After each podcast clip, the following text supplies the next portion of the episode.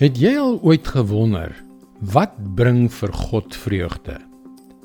Ons is na sy beeld gemaak en ons ervaar vreugde in ons lewens. Ons maak dus die afleiding dat God ook vreugde moet ervaar. Hallo, ek is Jockey Gouchee vir Bernie Diamond. En welkom weer by Vars. Wat 'n fascinerende vraag. Wat bring vir God vreugde? En dan vra ons onsself af, wat kan ek doen om hom vreugde te bring? Behoort dit nie ons grootste begeerte te wees nie? Ek weet ek wil dinge doen wat my vrou se hart bly maak. En wanneer my kleindogter by my voordeur instap, weet ek dat oupa graag haar lewe met vreugde wil vul. Weet jy ek neem selfs my hond vir 'n wandeling want ek weet sy geniet dit. Nou ja, waarom nie vir God vreugde bring nie? Wel as jy gewonder het hoe om dit te doen, hier is die antwoord. Psalm 147 vers 11 en 12. Die Here verheug hom in hulle wat hom dien. In die wat hulle hoop vestig op sy troue liefde. Prys die Here Jerusalem, prys jou God Sion. Kan dit regtig so eenvoudig wees?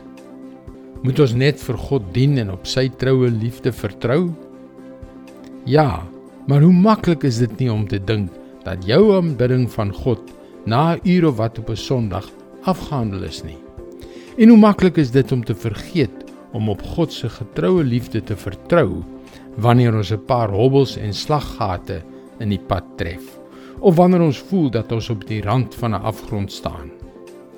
Luister na my. God smag daarna om deel van jou lewe te wees. God geniet jou as deel van sy skepping. Hier is die geheim. Hier is iets wat nie net vreugde in God se hart sal bring nie, maar jou lewe ook radikaal sal verander. Vestig jou hoop op sy troue liefde. Prys die Here, prys jou God. Dis sy woord vars vir jou vandag. Wanneer ons begin om 'n diep intieme verhouding met God te kweek, is daar soveel vreugde van sy kant en ook van ons kant af. Onthou indien jy na vorige vars boodskappe wil luister, hulle is ook almal beskikbaar op Potgooi. Soek vir Vars vandag op Google of op jou Potgooi platform. Mooi loop. Tot môre.